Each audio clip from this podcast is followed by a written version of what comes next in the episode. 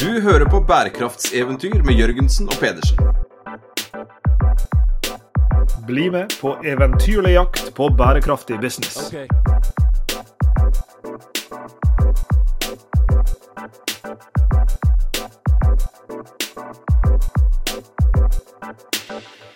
I denne episoden av Bærekraftseventyr Sveinung, skal vi snakke om green glam, vi skal snakke om grønn fashion, vi skal snakke om grønne livsstiler. Og hvem er da bedre å invitere for å snakke med oss om disse tingene enn Ada Martini Strøm?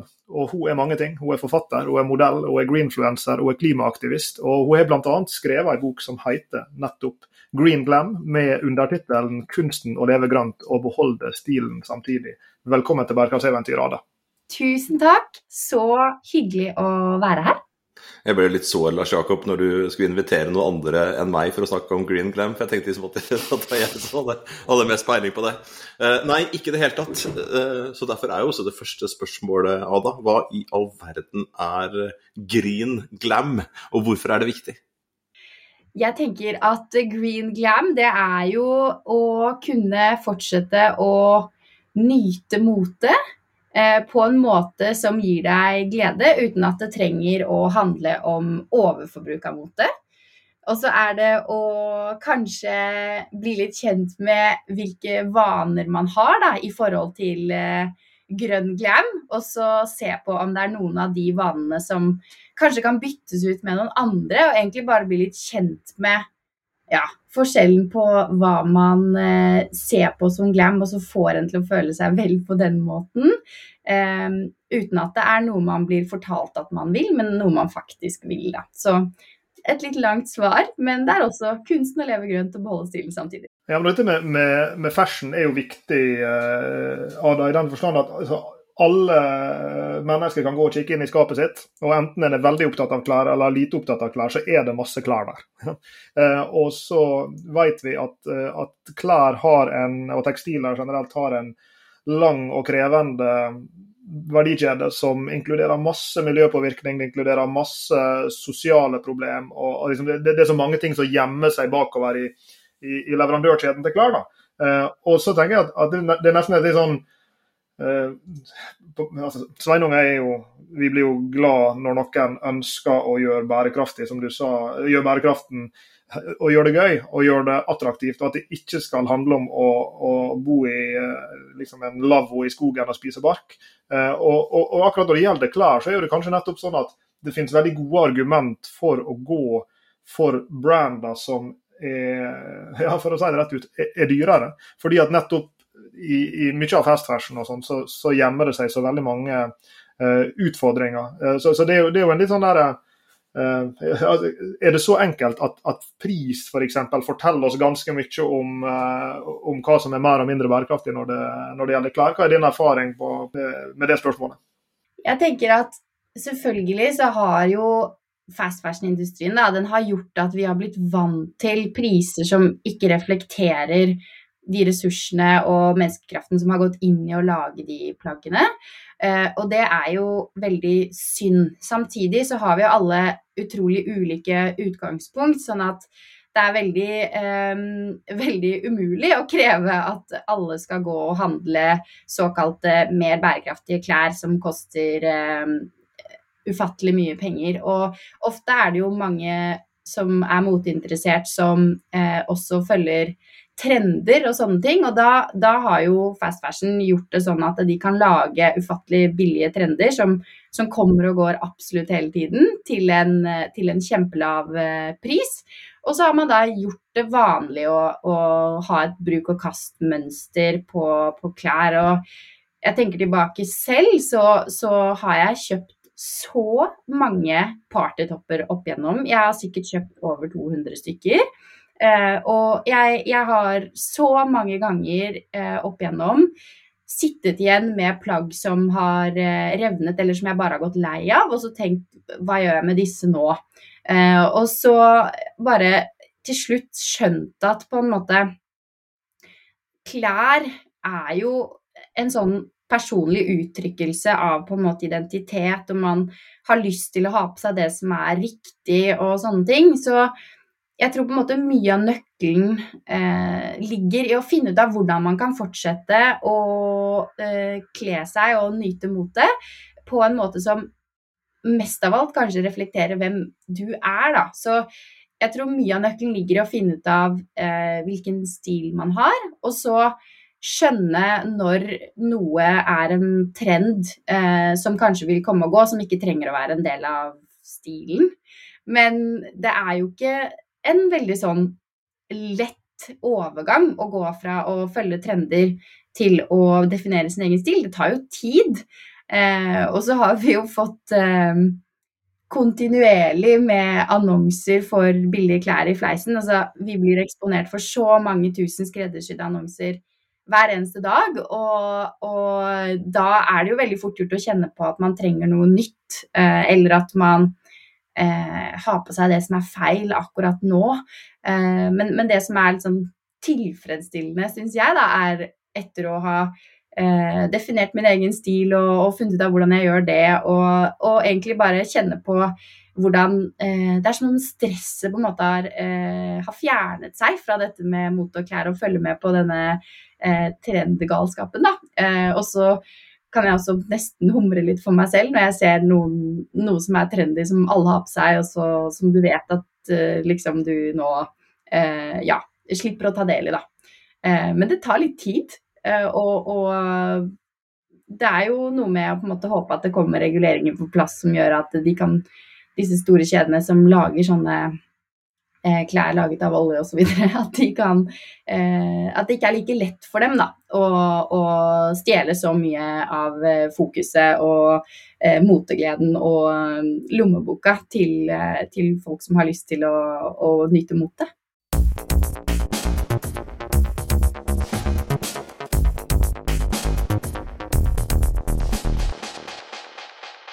Jeg leste i, i morgen om hvor mange millioner tonn med klær som ble produsert hvert år, og hvor mye PwC plastvarianter som, som, inngikk der. Og de tallene er, sånn der, er, så store at uansett om jeg hadde sagt det ene eller andre, så hadde det ikke betydd noen ting for meg. Jeg, jeg, bare skjønner at det er så enormt fotavtrykk der.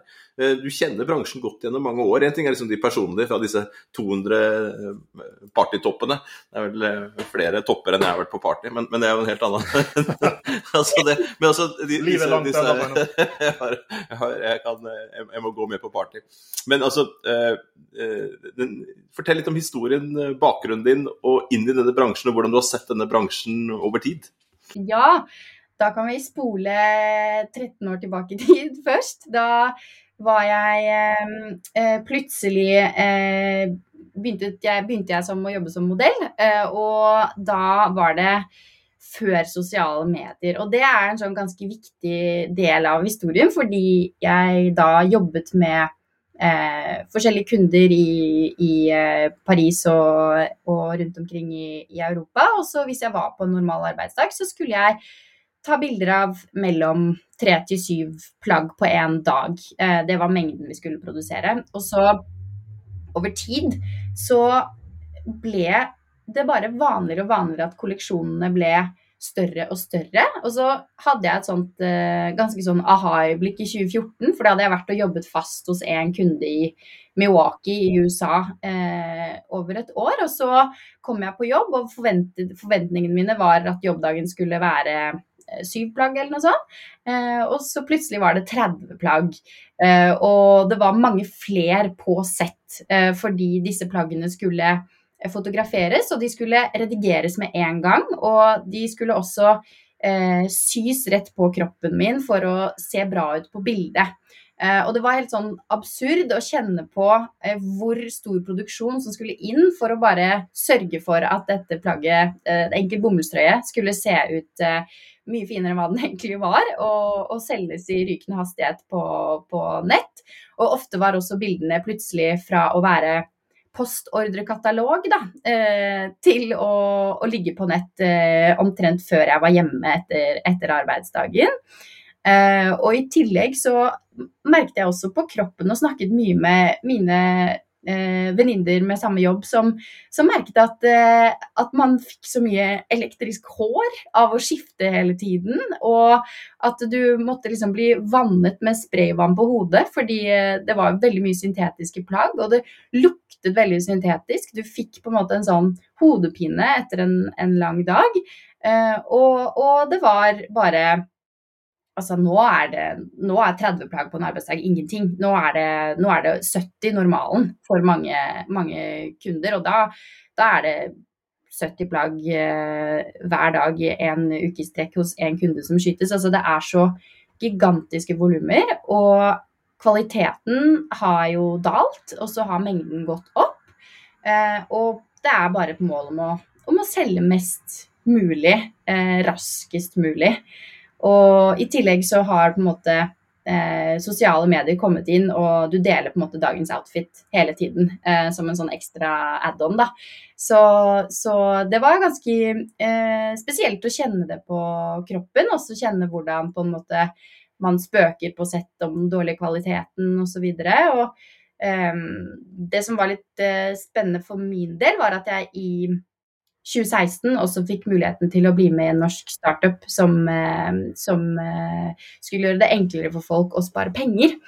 Eh, og jeg har alltid vært ganske fascinert av hvordan måten vi bruker penger på kan få deg til å føle deg glad og sånne ting. Så jeg syns det var, var en veldig eh, kul, eh, kul, startup, og, og, fikk lyst til å være med og jobbe på den. Og da, da, hadde jeg plutselig en fot i begge leirer, hvor jeg så dette her med at kunder ville at jeg skulle dele mer på Instagram, og ville at du skulle ta bilde av mer og mer plagg, samtidig som jeg prøvde å få, få gjort det morsomt for folk å spare penger og bygge et community rundt bærekraftig forbruk.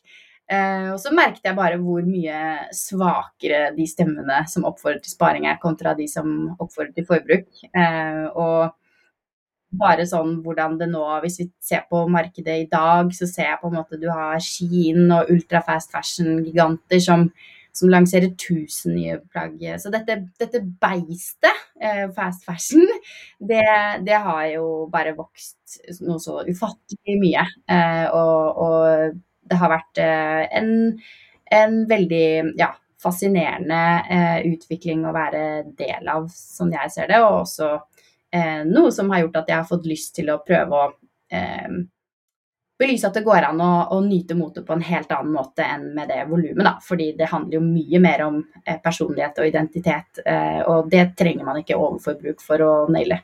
Dette er veldig spennende utvikling du beskriver her, og hvor det er mange sånne underliggende drivere av sosiale medier som er en som, som, eh, som, er viktig, som du snakker om, liksom informasjonsflyten da, og hastigheten i den. Ja. Eh, og så er du også inne på dette med, som er jo en en spennende og litt deprimerende bransjeutvikling som, som, handler om at ja, én ting er fast fashion, men så får du liksom disse ultra fast fashion-aktørene som, som en ikke hadde før. Eh, og som har jo en turnover som er helt sinnssvak, og, og, som nødvendigvis må ha går jeg ut ifra avfallsgenerering i andre enden av samme grunn, fordi det kommer hele tida nye ting, og de kan umulig rekke å selge ut alt. Eh, men, men, så i midten av alt dette her så forteller du om denne på en måte ekspansjonen av antallet plagg, antallet flere ting vi skal selge. Når du liksom var den utviklinga lik for type sånn high fashion brands kontra de som er litt, litt lenger ned i, i, liksom på nivået, og de som er mer sånn massemarkedsbrand? Altså, var dette en utvikling som du så liksom, på tvers av bransjen, eller liksom, var, er det varierende i liksom, ulike segment av, uh, av fashionverden hvor, hvorvidt den der eh, eksplosjonen har funnet sted?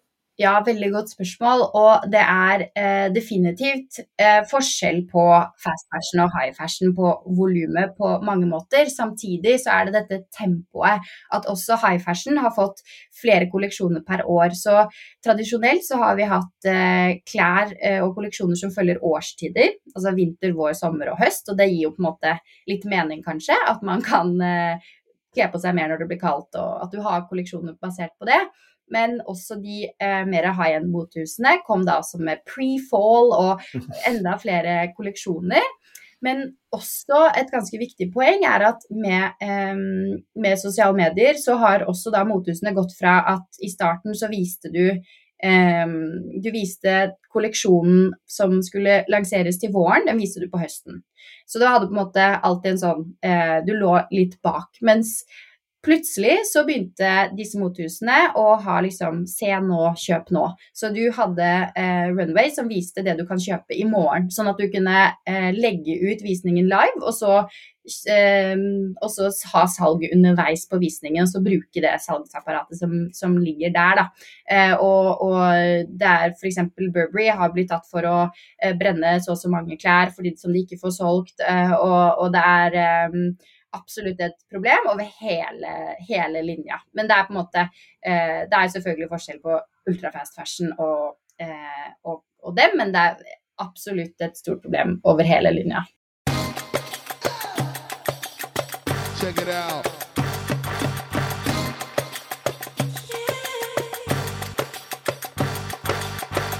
I en sånn green glam-verden, da, er det da en miks av uh ulike ting, eller er det å, finne klær på andre måter gjennom uh, sånne type utleieløsninger, eller hva er det du liksom anbefaler folk å gjøre? I forhold til klær, så er det første jeg anbefaler å gjøre, er å bli kjent med hvilke vaner du har for klær. Eh, og det kan man gjøre ved å se tilbake på månedene som har gått, og se på eh, hvor, hvor, mye kjøpte du, Eh, hva kjøpte du, og hvorfor? Var det noen følelser som trigget det? Sånn, selv så har jeg reagert på dårlige nyheter ved å løpe inn på Sara for mange år siden og, og kjøpe, kjøpe, noe nytt. ikke sant? Er du, er du en som, som, eh, som, eh, blir glad av kjøpeterapi, eh, og er du på en måte eh, opptatt av å følge, følge, trender, og hvorfor er du det? Så på en måte bare prøve å bli litt kjent med vanene du har, og så ikke være så streng med deg selv underveis, men bare se på det som en sånn morsom OK, hvorfor, hvorfor, hvorfor har jeg dette forholdet til mote? Eh, og så er det å eh, definere sin egen stil, så da bli kjent med alt du allerede har. Og så tenke kanskje på, eh, hvis du får en invitasjon til noe du skal plutselig i morgen, og du får den følelsen Hva skal jeg ha på meg? Jeg har ikke noe å ha på meg. Eh, eh, da tenke på hvilket plagg er det du på en måte griper etter først. Hva er det som du føler deg mest vel i, og som er liksom kanskje utgangspunktet til hva som er, eh, er plagg du liker å, å gå med. Eh, og så se på resten av garderoben din. Hvilke plagg er det som brukes igjen og igjen? Se om du har noen hint der til hva som kan bli din stil. Og så bruke litt tid på å skjønne liksom hvilke kjøp det er som, som blir bomkjøp, som blir brukt en gang, som blir kastet, og som egentlig bare eh, er som sånn fyll for hverdagen din. Eh, og så, når du har definert din egen stil, så tenke over at alt du, eh, du skaffer deg, det skal du ha da kanskje fem til ti år frem i tid. Eh, og så gjøre det litt til vane å bare bli mer bevisst på at du skal ikke kjøpe noe bare for å kjøpe noe. Du skal ikke kjøpe noe bare fordi det er det som trender akkurat nå. Eh, men prøve å ha det litt gøy med å se på hvorfor du liker å gå med de klærne du liker, og så ta tilbake gleden over å kle deg i en stil som, som du føler deg vel i. Um, og også rett og slett kanskje begynne å teste litt sånn studiet viser jo at vi får like mye glede av å bare tenke på at vi skal kjøpe noe nytt, som å faktisk kjøpe noe nytt. Så du kan fylle opp handlekurven uten å klikke noe hjem, vente til neste dag og se om du fortsatt har like lyst på det. Du kan også få det dopaminrushet av å rusle gjennom et kjøpesenter og bare se deg rundt. og, og, og ikke, ikke, kjøpe noe. Eh, så det å på en måte ha mer tålmodighet Eh, og så er det eh, jo en fantastisk mulighet til å kanskje utforske brukthandel litt mer. Nå er det jo mange som er kjempegode på det allerede, men da et tips jeg har, er å på en måte ha et lite mål for øyet. For hvis du har definert din egen stil, så er det jo kanskje lettere å vite sånn ja, nå har jeg liksom eh, de klærne jeg liker, men, men jeg mangler eh, kanskje en eh, Jeg mangler en sånn staple jumpsuit som jeg har lyst til å, til å ha. Det, det, har jeg ikke. Og da, når du går inn i butikken, liksom se etter noe konkret. Eh, og kanskje spørre de som jobber i butikken om de har sett en eller annen skatt som har kommet inn som ikke er blitt tatt ennå. Og så ta tilbake litt det med skattejakt. Og, og min erfaring er jo at når du enten sparer til noe eller venter på noe og finner det, så blir du mye gladere enn om du klikker hjem noe, får en pakke i posten du hadde glemt at du hadde bestilt, og så, og så har du et eller annet plagg som, som, ikke ser ut akkurat som du trodde. Og på en måte bare ta tilbake den, eh, den gleden, eh, og, og, utforske hva, hva moteglede er for deg, da. Eh, og det jeg vil legge til der, er at jeg selv, etter å ha jobbet da jeg hadde jobbet rundt, rundt ti år i industrien og bestemte meg for at jeg hadde lyst til å, til å prøve å ta tilbake motegleden og definere min egen stil, det var først da jeg egentlig begynte å like mote. Så jeg syns mote og klær er mye morsommere å jobbe med nå enn hva jeg noen gang har gjort før. For nå vet jeg at på en måte det er eh, kvalitet over kvantitet, og det er min stil. Eh, og, og, jeg blir ikke på en måte overtalt til å kjøpe noe jeg tror at jeg vil ha eh, like lett, da. Men jeg er også ikke perfekt, så jeg tenker at man må bare gi seg selv masse rom for å gå på en smell innimellom, og bare ta det, eh, ta det steg for steg. Eh, og så blir jeg også ofte spurt om jeg syns at folk som kjøper mye fast fashion, skal kjenne på da såkalt moteskam. Eh, og det, eh, det, tenker jeg at man ikke skal, fordi skam vil bare føle at du, du føler deg mer overveldet og, og trigge negative følelser, som gjør at du kanskje unngår å forholde deg til klimaendringene totalt sett. Det er det også studier på. Så prøv å bare være raus med deg selv, og begynn der du er, da. Og bare tenk at eh, du ikke må være et nullutslippsvesen for å, å, få det til. Det går an, men man må bare gidde å begynne og ha det litt gøy med det. Jeg og Sveinung er jo i den heldige situasjonen at hver mandag og tirsdag så får vi treffe noen hundre masterstudenter som er typisk et eller annet sted tidlig mot midten av 20-åra. Eh, og Det er jo et interessant barometer for oss på mange ting som handler om, om forbruk og konsum og livsstil. og sånn, Fordi vi, vi, underviser i forretningsmodeller og i bærekraft. Så vi spør deg om ting. Vi spør deg om ting som eh, hva er din primære kilde for å høre på musikk. Så vi sett over tid at jo, mer og mer Spotify, og så en periode var det YouTube, og så ble det TikTok, og så er det gående. Uh, og, og, et annet spørsmål vi ofte har stilt deg, det for mange av dem er jo opptatt av klær, de er opptatt av, av fashion og, og av livsstil. Uh, så, så, har vi over tid spurt uh, f.eks. hvor mange av dere kjøper klær second hand? Uh, hvor mange av dere leier klær gjennom ulike typer plattformer osv. Uh, og, og det tallet har jo, som sikkert ikke vil overraske deg, selvfølgelig økt over tid. Eh, det gjelder nok mer eh, de kvinnelige studentene våre, men, men sånn generelt så, så, er det en, en, tydelig trend. sånn jeg ser det. Hvis jeg tenker tilbake igjen, Sveinung, eh, til når du var ung, så Har du god hukommelse? ja, det. Da, så fantes jo det secondhand-butikker. med De som gikk der, det, det var jo gjerne Jeg tenker Gjennom grunge-perioden så var det folk som skulle finne sånne det kunne være liksom kordfløyelskjorte som så ut som det hadde vært ute i vinternatt før. Altså Det var liksom en bestemt segment av befolkninga som, som, gikk for second hand-løsningene. da. Mens inntrykket mitt nå av det er at det har blitt en mye større kall det mainstream-greie. Og, og, at også da mange av disse unge studentene våre som er veldig bevisste på, på klær og, og, på fashion, eh, også går den veien. Kan, kan, kanskje du gi ditt blikk på liksom statusen for sånne ting som, som second hand, og, og, også dette med leie av klær nå i vår tid. For det er jo, ja, vi skal legge til én ting til, da, så er det også dette med remanufacturing. Altså det å lære seg å sy om ting og, og sånne type ting. Virker som å være eh, veldig på en, på en oppadstigende bølge. Hva er, hva, er din, eh, hva er, ditt blikk på, på den delen av, av dette? Jeg tenker det er så positivt at, eh, at, flere får finne glede ved å både kjøpe og selge brukt, og, og, finner andre måter å nyte mot på, som leie, som du nevner. Og det er jo Alternativene er jo der. Så det er på en måte bare å begynne å, å bygge den vanen, og så kanskje være litt stolt av at man gjør det, og tørre å snakke litt høyere om det. Eh, og så er det noe med det også begynne å kanskje la de plaggene man allerede eier, få ha et så langt liv som overhodet mulig. Og vi har jo, de fleste av oss, um, utallige plagg liggende hjemme, omtrent. Så det er noe med å sørge for at de blir brukt så lenge som mulig, og også kanskje begynne å starte litt byttegrupper grupper innad i vennegjenger, og så tørre å være den første som, som gjør det. For jeg, jeg, ser veldig at i noen miljøer er det helt normalisert, mens hos andre så er det helt fjernt. Eh, og, og, da er det jo noe med å eh, finne ut av hva er en lavthengende frukt for de som det er helt fjernt hos, å begynne med.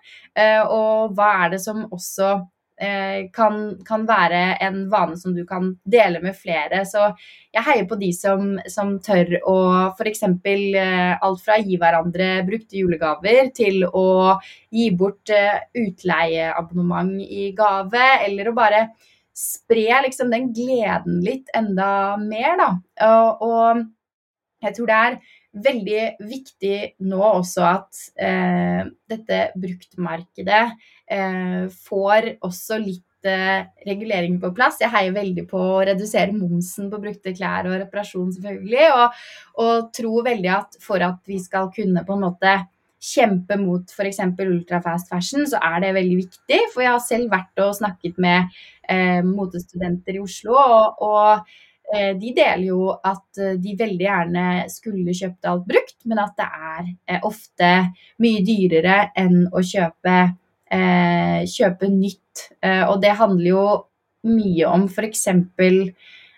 så har du tjenester eller kleskjeder som, som Skien, som har da Du kan kjøpe fire nye plagg til 350 kroner og få det tollfritt inn i Norge. Det er jo, det er jo helt absurd. Eh, og, og, selv om eh, bruktbutikkene også eh, kan ha ålreite priser, så kunne jo de gjerne fått et konkurransefortrinn, tenker jeg, da, så det blir lettere for flere å, å, å velge dem. Men, men, det er også fordi disse monstrene man kjemper mot, ultrafast de har jo algoritmer som som skanner eh, hva som trender på bruktmarkedet, og så lager de replikaer av det på null komma niks. Så de stjeler unge designeres eh, eh, trendende plagg, og, og, på en måte bare totalt sett eh, trenger å bli, eh, bli, eh, bli, satt litt på plass av reguleringer, sånn at eh, bruktmarkedet ikke tar for stor skade av det også, da. Men jeg tror som alle ting så er det å bare eh, snakke litt mer med hverandre om det. Og, og, på en måte Det trenger ikke være med pekefinger eller, eller være moraliserende. Det kan være kjempespennende og gøy å, å snakke om, og jeg føler det er liksom eh, noe jeg brenner veldig for med, med, bærekraft, er at det er veldig mye eh, glede å hente i å eh, både teste nye ting, snakke om det, og det er mye man kan lære av hverandre. Og også på en måte bidra til endringer som ikke bare er sitt eget forbruk, men som også kan, som kan gagne flere, da, ved at du snakker høyt om de valgene du tar. Du kan plante noen frø som de kan ta med seg i jobbsammenheng eller i den eh, lokale koret de er en del av, eller hva det måtte være. Men at man hele tiden eh, ufarliggjør litt å, å, dele og spre den gleden som er i å finne det. At det liksom ikke er eh, Det er ikke bare sånn at du ofrer ting du er glad i hele tiden. Ofte kan du få nye vaner som gir deg mer, mer glede. Da.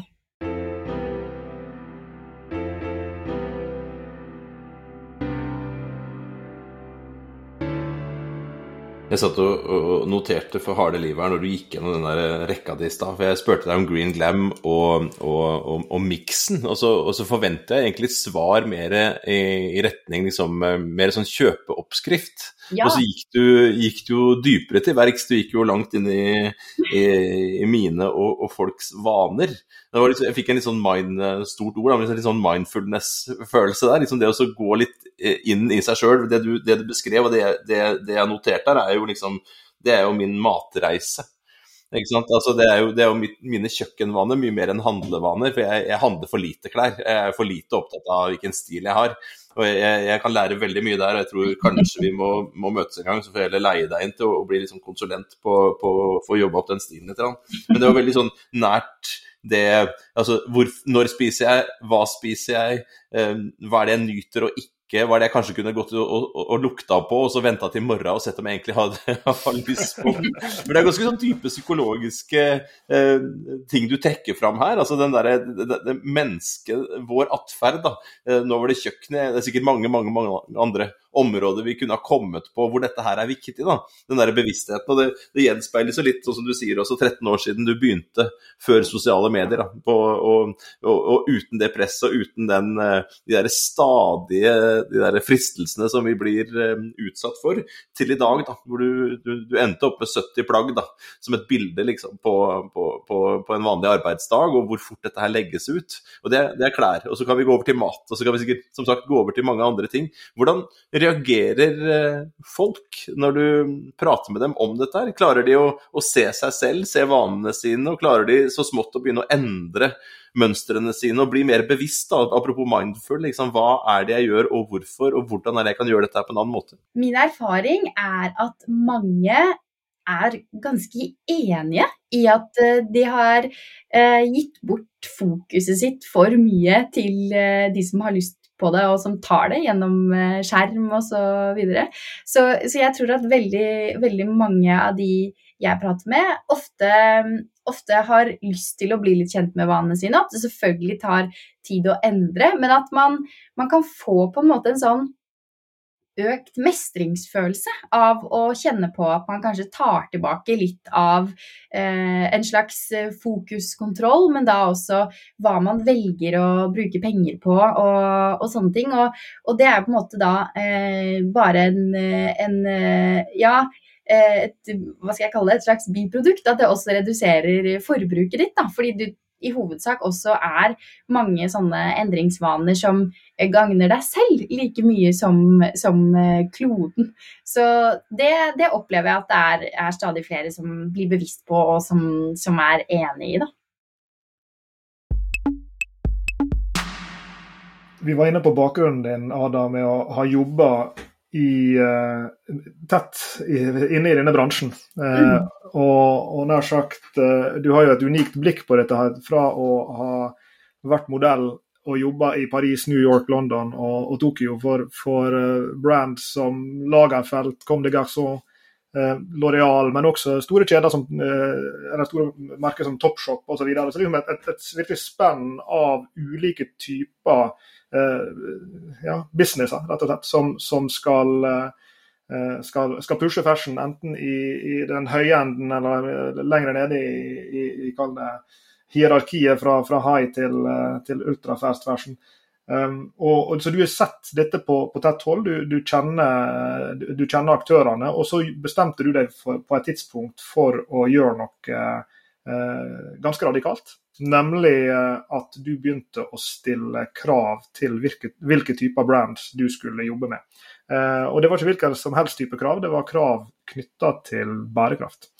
Kan ikke du fortelle litt om ja, for så vidt både den beslutninga, men også hvordan, hvordan gjør noe sånt i, i, praksis? Hvordan blir det tatt imot når du, når du eh, Eh, når du skal snakke med disse aktørene og, og legge fram disse, disse kravene. Og også litt om hva kravene er. Altså Hvilke ting er det du vektlegger eh, når du da skal si skal, jeg, skal jeg jobbe for Kom det gass i dag, eller skal jeg jobbe for noen andre? Det var jo en lang modningsprosess da, som, som jeg kjente, fordi jeg altså kjente dette så veldig på kroppen over tid, og, og merket at jeg fikk et større og større ønske for å kanskje se om jeg kunne bruke yrket mitt til å gjøre ting litt annerledes. Og det kom av at jeg egentlig bare lærte hvor mye sosial urettferdighet det også er i, i bransjen, og hvor det er jo veldig absurd at man skal fortsette med en så heftig overproduksjon eh, og bruke olje på ting som du vet skal, som er, er en trendsyklus på én uke. Altså det,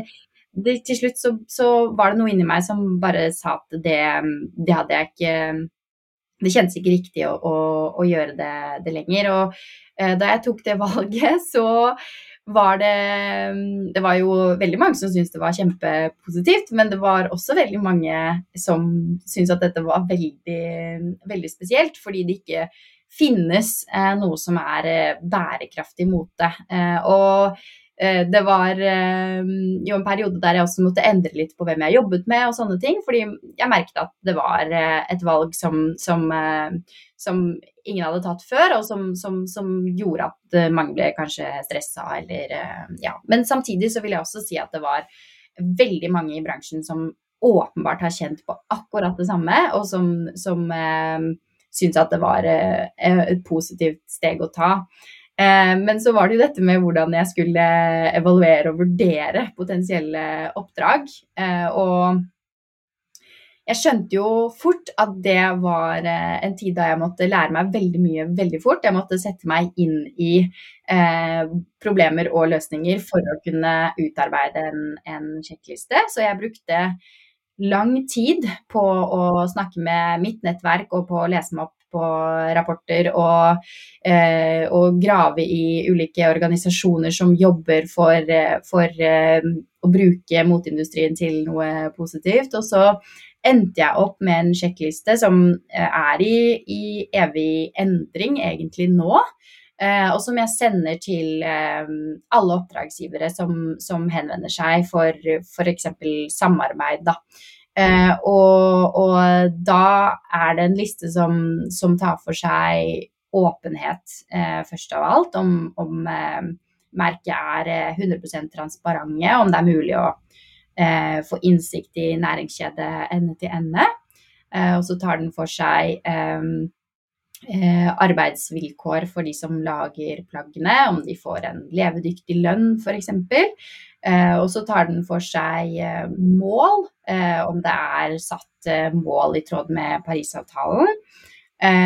og om de, hva slags materialer de bruker, om de har hva slags Eh, forhold de har til eh, veganske produkter og naturlige produkter, og om de bruker resirkulert materiale, og om hvordan de eventuelt kommuniserer at de bruker resirkulert materiale på.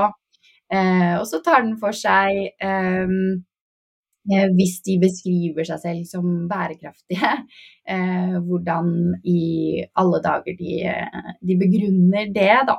Eh, så, så, er det en, et siste punkt som handler om, eh, om sertifiseringer og tredjepartsverifisering av informasjonen, da, sånn at det ikke bare er de selv som oppgir informasjonen.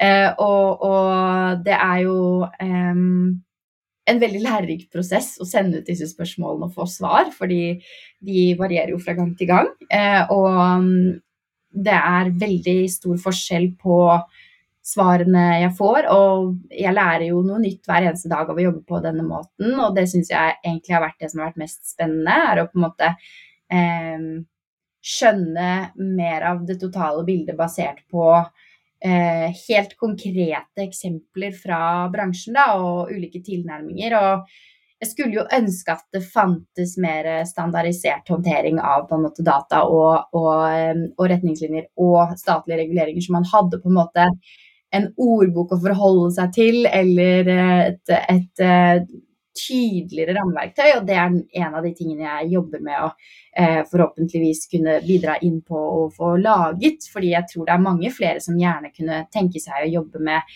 eh, med en litt mer eh, bærekraftig vinkel i, i, min bransje, men at det bare er litt vanskelig nå fordi det er så så bredt og så spredt og så ulike rapporteringer og, og egentlig ja, eh, et, et veldig, en, en, veldig kompleks oppgave å løse. Eh, så men, eh, men, det blir jo til at jeg filtrerer bort nesten alt som kommer inn.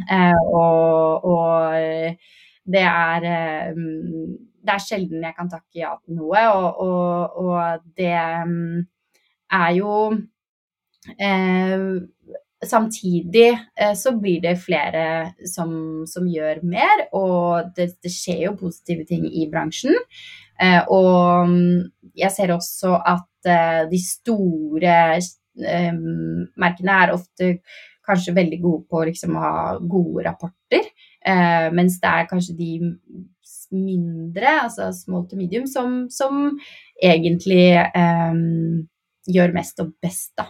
Eh, men, eh, men, jeg håper at, eh, at, det vil bli lettere å navigere dette terrenget etter hvert, og også at jeg kan ja, bidra inn på det. For Det var mitt neste spørsmål. Finner du noen kunder i det hele tatt? For du setter jo lista veldig høyt her. Ja, men målet er jo også på en måte å starte denne dialogen og normalisere at man, hvis man skal være reklameplakat for noe, eh, så, så, så, har man i hvert fall spurt, ikke sant, og bare normalisere at det går an å stille litt krav. Så trenger jeg tenker jo at det er mange som, eh, som sier at de eh, også stiller noen krav, og at det, det, det går jo an å ikke være så på en måte streng som det jeg har valgt å, å være. Da. Eksempel så har eh, modellbyrået mitt i, i, Oslo de har besluttet å kutte noen av måte, de raskeste eh, motaktørene de har jobbet med i flere år, fordi de bare ser at det her, eh, det her er en type eh, måte å produsere klær på som, som, vi ikke har lyst til å stille oss bak lenger. Så, så man kan jo også eh, gå litt mindre bredt ut. Men, men, for meg så er det også viktig å på en måte starte dialogen og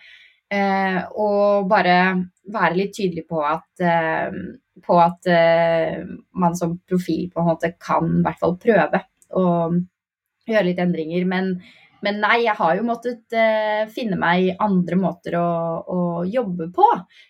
men det har også vært veldig gøy og selvfølgelig krevende. Men, men, men nå kan jeg jo på en måte etter, etter, flere år med å jobbe så tett på det, hjelpe merker som er mindre og som, eh, som, gjør ting på en annen måte. Jeg konsulterer på forskjellige måter og er inne i det som beveger seg i startup-verden og på, på mote og sirkularitet. og jobber på, med mye formidling eh, og bruker mye tid på å se hvordan jeg kan, eh, kan dytte moteindustrien i riktig retning på, på andre måter, da. Og det, det er jo mulig.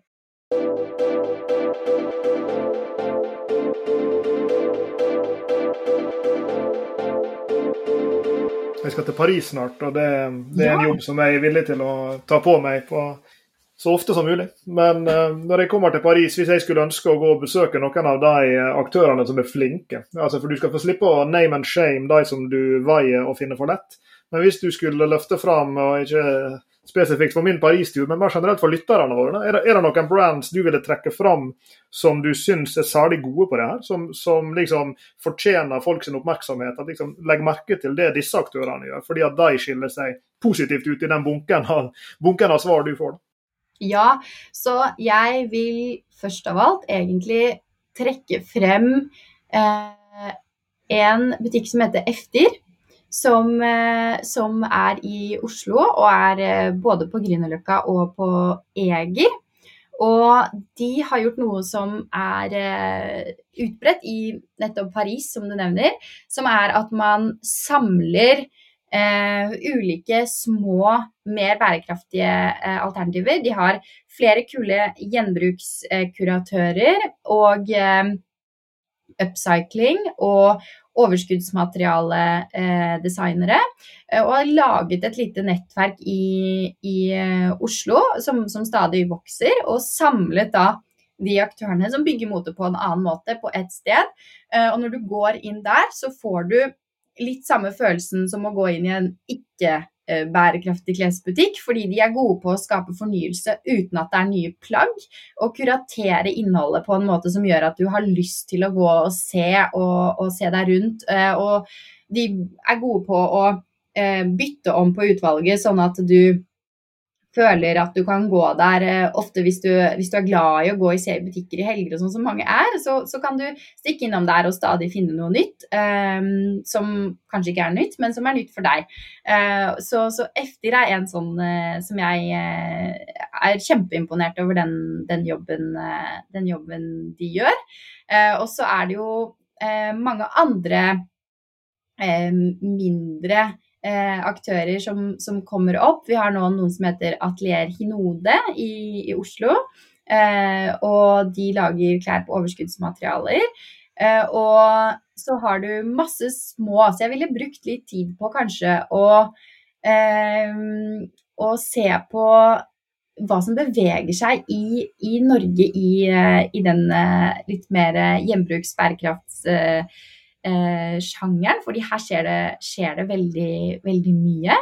Eh, og så er det jo selvfølgelig eh, store brands som mange sikkert kjenner til, som Patagonia og Stella McCartney, som, som gjør, ting, eh, gjør, ting, bedre enn andre. Men men så må man bare huske på at uh, ingen som lager klær i dag, er uh, perfekte av de uh, lineære aktørene. så, så jeg anbefaler egentlig, hvis man har lyst til å grave litt ned i det her, så er det en organisasjon som heter Remake Our World, som har en sånn årlig rapport hvor de vurderer de 60 største merkene i verden eh, på nettopp eh, bærekraft og sosial impact. Eh, og de har et sånt rangeringspoeng og en formidlingsevne som er veldig enkel å, å, forstå. Og det er jo ikke veldig oppløftende lesing, men det er veldig spennende og, og veldig, veldig lærerikt. Igjen så tror jeg veldig på at å Uh, og så få disse konkrete eksemplene er, eh, er, nøkkelen til å skjønne mer og også få lyst til å gjøre mer og, og knekke de kodene der. Da. Det eh, går et rykte om at jeg og Lars Jakob snart skal eh, møte en leder i en av eh, verdens eh, største, i hvert fall mest eh, kjente produsenter av, eh, av fritidsklær, som har hatt en profil, og har en profil, som er veldig bærekraftig. Vi skal møte dem på en scene, og så skal vi ha en sånn live podkast, og så skal vi stille dem noen spørsmål. Hvis du kunne hjulpet oss litt nå før den økta, hva slags type spørsmål er det vi bør eh, stille? For dette er jo da en aktør som virkelig har hatt lyst til å gjøre det, som har et veldig godt eh, rykte. Eh, og så, så, er det gøy å prate med folk, da, høre. Hva er det de baler med, hva er det de syns er vanskelig? Hvor er det foten eller skoen, eller hvor er, hvor er, det Ja, hva er det de våkner litt tidlig om morgenen og er litt engstelige for? Ja. Skjønner, skjønner, du hvor jeg vil hen? Hva, hva, er det vi på en måte burde Du som er vant til å, å sende kravspekker til folk eller til bedrifter, hva er det vi, hva er det vi bør spørre dem om? Oh, jeg merker at jeg har veldig lyst til å vite hvem det er og, og denne samtalen, så send meg gjerne detaljer på det senere. Men, men eh, nei, jeg ville eh, startet med å spørre om hvor åpne de er, eh, og hvor kontroll de har på hele næringskjeden ende til ende. Og også om de har da vitenskapsbaserte mål på utslipp i forhold til Parisavtalen.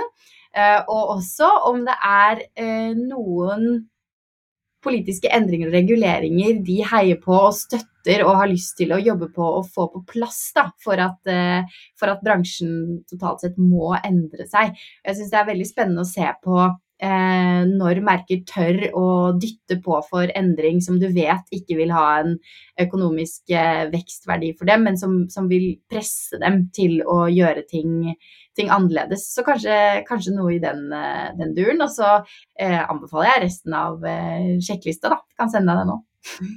ja, det er spennende, fordi det, det Ja, det, det, det, vil jeg gjerne se på. Én ting er for det programmets skyld, men sånn, sånn, generelt også, for du har gjort en bra researchjobb her, høres ut som, for å skjønne bransjen, skjønne de problemstillingene de har. Og dette er jo en stor aktør som har som, selger jo veldig mye klær. Jeg ser jo merket overalt hele tiden. Og så tenker jeg liksom, hvor mye klær kan man egentlig selge?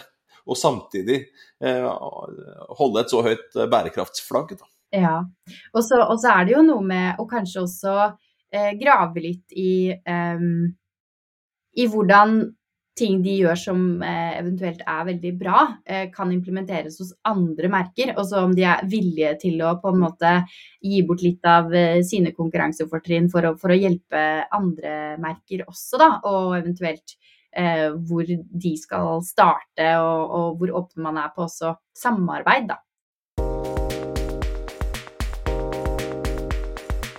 Du var inne på noe i stad, Ada, som, som eh som handler om eh, det litt sånn Altså Dette tidsmessig at det kommer stadig nye versjoner av ting, det er jo liksom bakt inn i hele liksom, den overordna forretningsmodellen til kles- og, og, og, motebransjen. og Jeg og Sveinung siterer ofte en, av alle ting, en gammel artikkel fra 1932 som heter 'Planned Obsolescence'. Den ideen om at vi skal lage ting som ikke varer så lenge. Mm. Eh, og, en, så, og det, Da tenker jeg ofte på mobiltelefoner som slutter å virke, TV som slutter å virke. Men en annen type obsolescence, en annen type foreldelse, er jo den såkalte psykologiske foreldelsen. og det er jo den motebransjen i stor grad støtter seg til. Eh, fordi, eh, som du var inne på, han baserer seg på denne ideen om at ja, vi kan jo kjøpe 200 eh, partytopper, og så burde vi kanskje i hermetegn hatt flere, som, som du var, ne, færre, unnskyld, som du var inne på. Og så er det jo noen brands som klarer å, å lage ting som er tidløse. Ja, og Du kan finne eksempel på det. Det kan være Chanel eller det kan være andre som, som kan produsere versjoner av det samme igjen og igjen, og som kan, kan ha, ha lang levetid. Utfordringa der, og det var vi også inne på i stad, er jo at de tingene kan jo ofte være veldig veldig mye dyrere enn Det er kanskje noen som kan lage ei veske som du kjøper den veska og har den i, i veldig veldig mange år. Akkurat som du kan kjøpe en Rolex-klokke og ha den i veldig mange år og være fornøyd med den ene eh, klokka. Tror du vi trenger en slags kall det revolusjon i retning av det mer tidløse som gjør at folk kan klare seg med mindre? Og, og tror du i så fall at bransjen vil være, i, vil være, i, stand til å endre seg til noe sånt, og at vi som, som konsumenter er, er, vant til det? Eller er vi liksom fanga nå i en sånn overflodens forbannelse, på en måte? at ja, vi, vi, venter oss til at det alltid skal være noe nytt, og at uh, det, vi, det, vi, hadde i går, er, ja, det er forelda. Ja, og det er jo, som du sier, mot, motens uh, lille forbannelse, akkurat det der. Men, men, men, jeg tenker også ofte på at det er så utrolig mange klær som allerede er produsert. og trendene kommer jo igjen og igjen og igjen. Eh, og det at det er så mange eh, klær som blir kjøpt, og som etter de er kjøpt og kastet eller kjøpt og ferdig med, så har de ingen åpenbar endestasjon. Ikke sant? Uh, det, det, er ikke noe ordentlig innsamling for, for brukte klær. Merkene selv tar ikke eierskap til den innsamlingen. Men der er det jo masse verdier. Eh, særlig fordi vi vet at eh, moten skal komme igjen og igjen, disse trendene. Så, så, jeg tror det ligger masse mulighetsrom i å se på de verdiene som verdier, og også eh, tenke på at fremtidens mote handler om styling og utnytte de plaggene som allerede er produsert, og på kunne skape den fornyelsen på en sirkulær måte, samtidig som for eksempel, eller som åpenbart forbruket må gå ned. Men vi har jo så vidt begynt jobben med å se på hvordan eh, mote kan bli ordentlig sirkulært. Og om det er eh, medlemskap eller styling eller eh, gjenbruk eller hva det måtte være. Men det er noe med å også kanskje tenke på de tekstilene som allerede er produsert, og, og, se på hvordan man kan måte, lukke den eh, loopen, men fortsatt ha, eh, ha mote som, som skifter eh, innimellom. Så er det jo på en måte forbi, tenker jeg, å ha 52 kolleksjoner i et år. Det er borte. Eh, men, men, hvordan kan du skape fornyelse eh, uten å kjøpe noe nytt hele tiden? Og eh, sånn personlig, rent stylingmessig for meg, så er det ikke å kjøpe noe nytt, det er å ha på seg et belte på en annen måte. Du styler det, du du bretter opp noe i stedet for å brette det ned. Du prøver nye kombinasjoner. Altså den fornyelse trenger ikke være å kjøpe noe nytt hele tiden. Men det er bare kreativiteten som setter grenser, da. Eh, og, og jeg tror styling eh, er en stor del av, av fremtiden der. Veldig spennende, Adam Martini. og Veldig spennende å høre på deg og prate med deg. Vi, vi, inviterte deg jo for å lære litt om green glam, og så hadde vi noen tanker om hva det var før vi begynte å prate med deg. Og så har vi fått lov til å dykke ganske dypt ned i de ulike forretningsmodellene i denne viktige industrien. Altså fra produksjon og, og hva som har utviklet seg eh, på, på, på tilbudssiden over tid, og også hvordan dette her har påvirket oss som, eh, som forbrukere, og, og, og, mulige veier å, å gå videre. Eh, kjempespennende å få innlede denne samtalen. Jeg håper ikke dette er, er siste gang. Vi har, vi har lyst til å, det, er flere ting jeg og Lars Jakob har, har lyst til å, å, å, grave ned i her. og Det er jo ikke sikkert du kan ta deg tid til det, men jeg håper en eller annen gang altså, at vi kan få tatt plukka opp igjen den derre eh, unnskyld uttrykket, tråden. Eh, og, så, og, og sett litt hvordan det går litt over tid, og om det er mulig å påvirke. Bedriftsøkonomen i meg skjønner jo så fryktelig godt disse nye forretningsmodellene basert på masseproduksjon og salg. Jeg skjønner jo at folk har lyst til å tjene penger på dette her, og, og jeg unner jo også folk å få tak i billige klær, hvis jeg skjønner. på den andre siden så er det en, en del utfordringer her. Jeg syns du er fryktelig modig som, som, som, som går inn og, og og tar den der posisjonen og tørre å blande liksom bærekraft og mote. Jeg tror det er veldig mange som vil på en måte si nei, det, det går ikke. Eh, man kan snakke om klær, men ikke trekke inn mote der. Og du begynte i dag å snakke om å nyte og det å ha glede. Eh, ord vi er veldig, veldig glad i. Eh, så, så, med den eh, bitte lille oppsummeringa der, så vil jeg bare si tusen takk for at du tok deg tid. Tusen takk for den innsatsen du gjør. Og så gleder vi oss til å følge deg videre, og så håper vi kan plukke opp igjen praten en, en annen gang. Veldig hyggelig å prate med dere. Takk for gode spørsmål, og diskuterer gjerne videre en annen gang. Du har hørt på bærekraftseventyr med Jørgensen og Pedersen. Send e-post til eventyrkrøllalfa.jorgensenpedersen.no for å stille spørsmål eller komme med forslag til tema for fremtidige episoder. Og besøk jorgensenpedersen.no for mer informasjon om denne podkastserien. Okay. Derfra kan du også fortsette samtalen med oss i sosiale medier på Twitter, Facebook, LinkedIn, YouTube og andre steder.